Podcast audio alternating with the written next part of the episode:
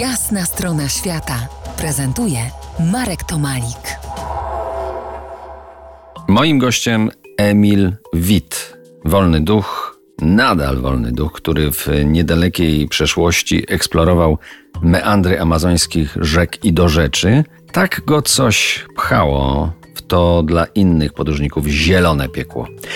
Emilu, jak nawiązałeś kontakt z rdzennymi tam Indianami? Jak oni cię traktowali? Pierwsze dni kontaktu z nimi, można powiedzieć pierwsze dwa dni, a w niektórych przypadkach pierwszy jeden dzień, buduje się ufność tak naprawdę. Jest wymiana spojrzeń, jest wymiana słów. I czas jest potrzebny dosyć niedługi w moim przypadku do nawiązania więzi, takich relacji bardziej można powiedzieć przyjacielskich czy nawet rodzinnych. Ja jestem dobrze przyjmowany przez indyjskie plemiona z dwóch powodów. Po pierwsze mówię ich żargonem. Oczywiście nie jest to ich etniczny język, mówię po prostu y, po hiszpańsku, znając te, takie różne miejscowe smaczki. A po drugie zachowuję się tak jak oni, w takim sensie, że nie wyskakuję z kamerą, nie, nie, nie filmuję ich, nie robię im od razu zdjęć tylko najpierw sobie chodzę z nimi na ryby. A powiedz, jak y, przebiega nawigacja na rzekach amazońskich? Y, na rzekach amazońskich nie za bardzo mnie przejmuje nawigacja, dlatego że wiem, wcześniej sprawdzam, dokąd dana rzeka płynie. Dla mnie nawigacja jest y, dosyć istotna w przemieszczaniu się pieszo, żeby się nie zgubić, a najważniejsze jest y, trzymać się głównego nurtu, żeby jakimś dziwnym trafem nie popłynąć e, w mniejsze, można powiedzieć, dopływy danej rzeki, dlatego że kiedy płynę po rzekach amazońskich, a zazwyczaj robię to tratwą, to nie mam możliwości cofnąć się do tego głównego nurtu, jaką bym miał oczywiście płynąc kajakiem, więc po prostu staram się trzymać głównego nurtu. To, co mnie by tam męczyło, to wilgoć, wszędobelska wilgoć. Nie wiem, czy sobie to dobrze wyobrażam. Chyba zawsze i wszędzie, yy, może za wyjątkiem centrum ogniska, tam miałeś wilgoć.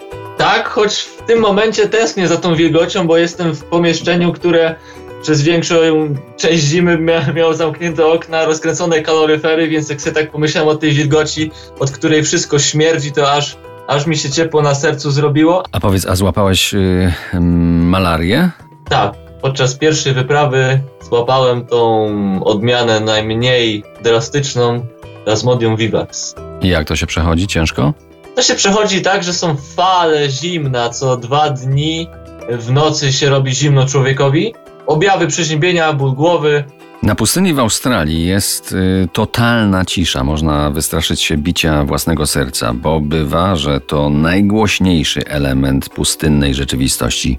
A w Amazonii w nocy Amazonii w nocy jest niezwykle głośno i te dźwięki są niesamowite. Te dźwięki są bardzo głośne. Jest taki owad, który tam na miejscu niego mówią cigarra. On świszczy jak yy, pilarka tarczowa. One rzeczywiście świszczą. No, tego rezonansu jest naprawdę dużo i to jest, można powiedzieć, takie, co się najbardziej stamtąd wspomina. No a jak w pobliżu są płazy, czy też yy, ptaki, czy wyjce, takie małpy, które też nadają w nocy, to to już w ogóle orkiestra się rozszerza na wiele innych instrumentów i jest to naprawdę piękne doznanie. A za dnia dla kontrastu jest cicho. Pilarka tarczowa, tutaj w Beskidzie Małym się mówi na to cyrkulorka. Pozostaniemy w zielonym, w zielonym oceanie Amazonii. Za kilkanaście minut wracamy do rozmowy. Zostańcie z nami.